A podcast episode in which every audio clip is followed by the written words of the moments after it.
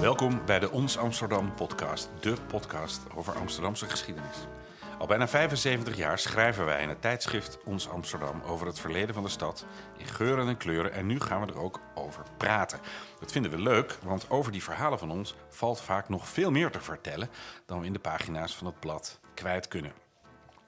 Vandaag praten we met Willem Oosterbeek, die in de meest recente aflevering van Ons Amsterdam een schitterend stuk schreef over de wedergeboorte van de Zeedijk. Een lange, getroubleerde geschiedenis van drugs en criminaliteit en politie en overheid en uh, verslavingszorg en dat soort dingen.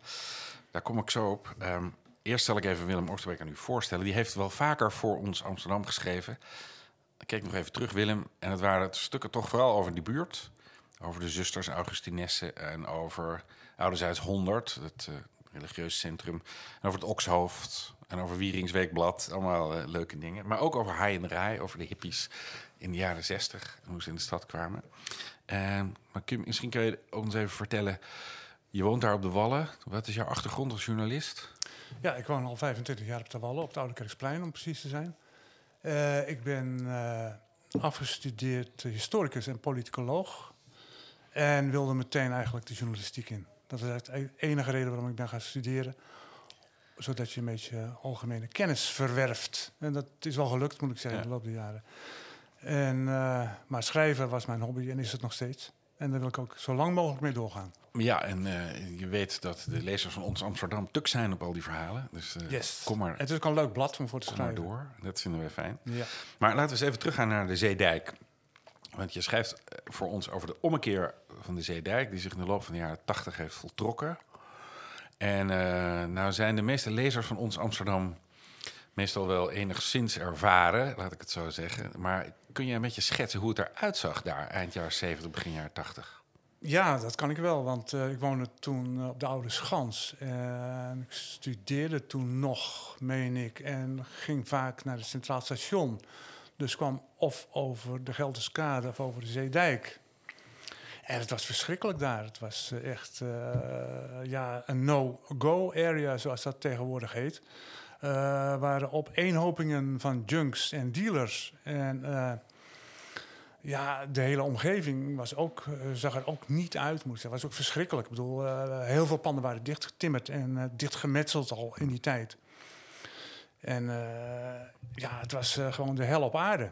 Ja, het je, ziet eruit als een soort oorlogsgebied ja, eigenlijk. Het ja. was, was ook een ja, soort oorlogsgebied, ja. Het was zelfs zo erg dat, laten we zeggen, agenten die durfden daar nog wel doorheen te lopen, maar ook niet altijd en zeker niet alleen.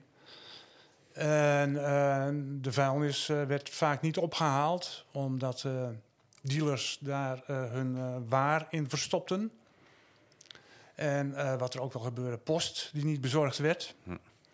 Maar de stadsreiniging ben ik een keer wezen kijken. En uh, die hadden een kaart van Amsterdam hangen. En dat gebied, de Zeedijk en het Wallengebied, dat was gewoon helemaal blanco. Daar kwamen ze niet. Daar kwamen ze niet. Ja, zo erg ja, was dat. Zo erg ja, was dat, ja. Zo erg was dat, ja. Het was echt heel verschrikkelijk. Het was, nou, er werd, werd natuurlijk heroïne en cocaïne, maar met name heroïne gedeeld. En uh, het waren voornamelijk uh, Surinamers, ook Antillianen die daar rondliepen. Mm. En dat had heel veel te maken met het feit dat uh, in 1976 Suriname natuurlijk onafhankelijk is geworden. Ja.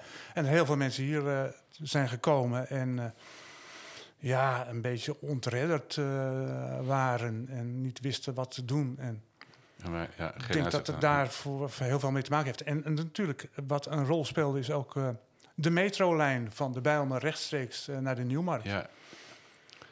Dus ja, je kon snel wat halen als je. Je kon er snel wat halen, ja, ja. ja. en toen het daar verboden werd, dat is wel eens gepoogd. Toen verplaatste het zich onmiddellijk naar de uh, metrostations. Ja. Het waterbedeffect. Het waterbed Als je hier weg, weghaalt, ja. komt het ergens anders naar boven. Klopt. Ja. Ja. ja. Ja, maar een hele lugubere toestand. Het was een hele lugubere, hele lugubere toestand. Er is ook veel over geschreven. En voor mij dus een reden om daar nou niet over te schrijven. Maar juist om over de ommekeer te schrijven over het moment Precies. dat het beter ging. Ja, maar het is. Ja, ja, maar je moet wel even de voorgeschiedenis weten, anders dan. Maar het, het, het, belangrijkste is natuurlijk dat mensen die daar nu overheen lopen, dat echt zich de verste verte niet kunnen voorstellen dat Nee. je daar gewoon niet kwam. Dat Nee. het gewoon veel te link was. Ja. Ja. En uh, heel som. Eigenlijk geldt dat voor heel veel stukken van de binnenstad in Amsterdam begin jaren tachtig. eh, de Nieuwe Zijdse, Spuistraat. Ja. Dat waren, dat, je, je ziet een, het is een hele somber beeld. Maar goed, toen kwam er dus een ommekeer, De ommekeer, in, zou je ja, zeggen. zoals dat. Nou ja, op een gegeven moment, ja, van wat moet je daaraan doen natuurlijk. Hè? Dat was de grote vraag. Want het was eh, voor de gemeente ook wel makkelijk dat het geconcentreerd was op één plek. Ja, En niet ja. over de hele stad eh, verspreid was. En in beginsel, of in principe, zei toen ook de wethouder... van, eh, nou, laten we het daar maar zo houden zoals het is. En dan, ja, dan dat moeten zegt ze maar mee leren leven. Vorink, die zou Vorink, hebben gezegd, zet ja. er maar een hek omheen. Ja, zet er maar een hek omheen. Ja. En dan blijft het daar binnen de perken. En eh, ja, die mensen moeten er maar mee leren leven. Dat was het oorspronkelijke idee. Ja, dat ging natuurlijk niet. Mensen die waren het daar absoluut niet mee eens. En het verspreidde zich natuurlijk toch ook over de wallen. Ja. En toen is met name is er vanuit de buurt is er eh, veel beweging gekomen eh, om hier toch even een halt aan toe, toe te roepen. Ja, een hele flinke protestbeweging. hè? Ja, een hele flinke protestbeweging die ook stevig eh, aan de bak ging door eh, bijvoorbeeld eh, bij het stadhuis binnen te lopen tijdens de raadsvergadering, de deuren te blokkeren en tegen de raadsleden te zeggen van zo, en nou luisteren jullie eens naar ons. En eh, dat hebben ze toen ook wel een beetje Ja. gedaan, moet ik zeggen. En een andere grote actie die ze gevoerd hebben is dat ze een enorme rij autobanden in de fik hebben gestoken voor het eh, Centraal Station. Een gigantische rookontwikkeling en een gigantische bende natuurlijk Ja. van eh, luister, als jullie het kwaad willen, dan gaan we kwaad doen. Dus harde actie. En je zei net dat iemand als Vorink, wethouder, gewoon geen antwoord had op die materie. En eh, Nee. Nou, op een gegeven moment zijn ze Oh. op het idee gekomen dat dit moet toch veranderen. En eh, toen, eh, ik weet niet precies wie, of dat ook nog te traceren is, is überhaupt ook niet duidelijk natuurlijk. Is iemand op het idee gekomen om van toch maar de, de panden daar te gaan aankopen, stenen kopen. Mm. En als je stenen in handen hebt, dan kun je namelijk ook bepalen wie er binnen die stenen gaat zitten en wat voor bedrijven daar komen. ja. En eh, nou, dat is eigenlijk de eerste stap geweest voor de oprichting van de NV Herstel Zeedijk, wat al vrij snel NV Zeedijk werd genoemd. Ja, ja. Er is geld ingestopt van de gemeente en er zijn ook wat commerciële partijen ingestapt, die zagen dat toch ook wel zitten. En natuurlijk met name ook eh Barbizon Hotel, Dat. die ja. als eerste toehapte, zal ik maar zeggen. En toen die eenmaal over de dijk was, is dat, druk ik me goed uit? Nou ja, goed. Toen die eenmaal In over de streep was, Ja. Toen eh, kwamen er al spoedig meer, maar nog niet zo heel veel natuurlijk. Maar een van de eerste was ook Jan Ot met zijn Ja. café De Kletskop. Het eerste eigenlijk normale café op de Zeedijk. En eh, dat werd gefrequenteerd door mensen van Barbizon Hotel in het begin en de agenten. En hij mocht zo lang open blijven als hij zelf wilde. En dat was ook heel eh, apart natuurlijk, want er waren nog wel sluitingstijden in Amsterdam. Die zijn er nog steeds trouwens. Eh, maar eh, als hij open was, dan eh, betekende dat licht. En licht betekende een plek waar junken niet kwamen. ja, ja, dat zijn vleermuizen. Ja, ja, ja, dus, dat, ja, daar was hij, dus hij was erg welkom. Dus het zit hem toch ook heel erg in dat soort persoonlijkheden, die dat willen doen en ook de, de moed Zeker. en de kracht hebben om dat echt vol te houden. dan. Zeker, Ja. zeker. Ja, want je moet er wel een beetje uithoudingsvermogen voor hebben om iets te doen. Absoluut. Ja, en je zult er waarschijnlijk ook niet stinkend rijk van Je worden. wordt er ook niet stinkend rijk van. Nee, absoluut niet. Dat je kan ik me wel. niet voorstellen tenminste. Maar je, maakt, je Maakt doet wel iets heel belangrijks voor de stad in de buurt. Precies. Ja. En ik denk dat dat ook zijn motivatie is geweest, want eh, hij was dol op Amsterdam. Maar dan moest je dus ook, hij moest dus ook hard aanpakken, neem ik aan. Ja, hij Dus moest mensen heel hard, gooien. hij moest en- hard, ja. ja. maar over het algemeen, het idee van junks dat ze agressief waren, dat is niet zo. Als ze eenmaal eh, in de gaten hebben dat ze daar niks kunnen halen, dan eh, laten ze je wel met rust. Nee, maar je schrijft over het buurtcafé daarnaast, het Emiel's Place. Ja, maar dat is heel wat anders. Dat is gedeeld, ja. ja. En dan eh, is het natuurlijk een, dat is een heel ander verhaal. Maar bij, in de kletskop gebeurde wat dat betreft voor hen Ja. vrij weinig. Dus ze konden niet zo gek veel. Met, Nee, want we hebben, we Jan hebben eens een verhaal gehad over het Huk in de Spuistraat. Een plek waar dan junkies konden gaan spuiten, zeg Ja. maar. En dat werd totaal overgenomen door de, de criminelen. Dat Ja. was helemaal domein van de, van de dealers geworden. En daar wilde ook niemand meer naartoe.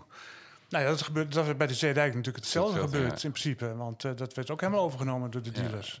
Die betaalde, eh, die meneer van Emil's Place betaalde een bedrag. En dan eh, huurden ze een, een tafel.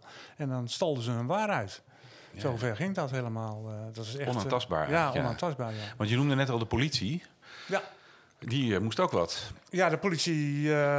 Nou, weet je, het hele klimaat, dat is eigenlijk belangrijk. Het hele klimaat toen was gedogen. Dat was het woord. Alles wordt, werd gedoogd. Het gebeurt nog steeds eh, voor een heel groot deel, maar lang niet meer zo als vroeger. Dus de politie gedoogde ook veel. En eh, ja, wat is er nou strafbaar aan het, feit dat je een shotje zet eigenlijk? Niet zoveel. Dus dealers pakken, ja, dat kon wel, maar dan stonden er weer meteen eh, nieuwe dealers om de hoek te wachten. Dus dat had ook niet zo gek veel zin. Dus de politie kon in zijn eentje er ook niet zo gek veel aan veranderen. En, maar, en eh, had, je daar inzicht in? Wilde de politie dat eigenlijk wel bijvoorbeeld? Jawel, eh, uiteindelijk eh, is het toch ook een soort vlek op je blazoen. Als je Ja. zo'n zo, zo, zo, zo, zo, zo'n gebied in je buurt hebt, dan dat wil je niet. Ook, ook niet als je bureau op de Warmoestraat zit. Zelfs dan wil je het niet. Kijk, uiteindelijk was de enige manier waarop dat zou moeten gebeuren... was toch dat een aantal partijen met elkaar gingen samenwerken. Mhm. Eh, dat was de enige oplossing voor dat probleem daar. En dat betekende dus inderdaad dat de NVC Dijk daar kwam, panden ging opkopen en opknappen en daar fatsoenlijke ondernemers in ging Ja. zetten. Dat was een eh, absolute vereiste. Dat stond ook in het huurcontract. staat nog steeds in het huurcontract. Ja.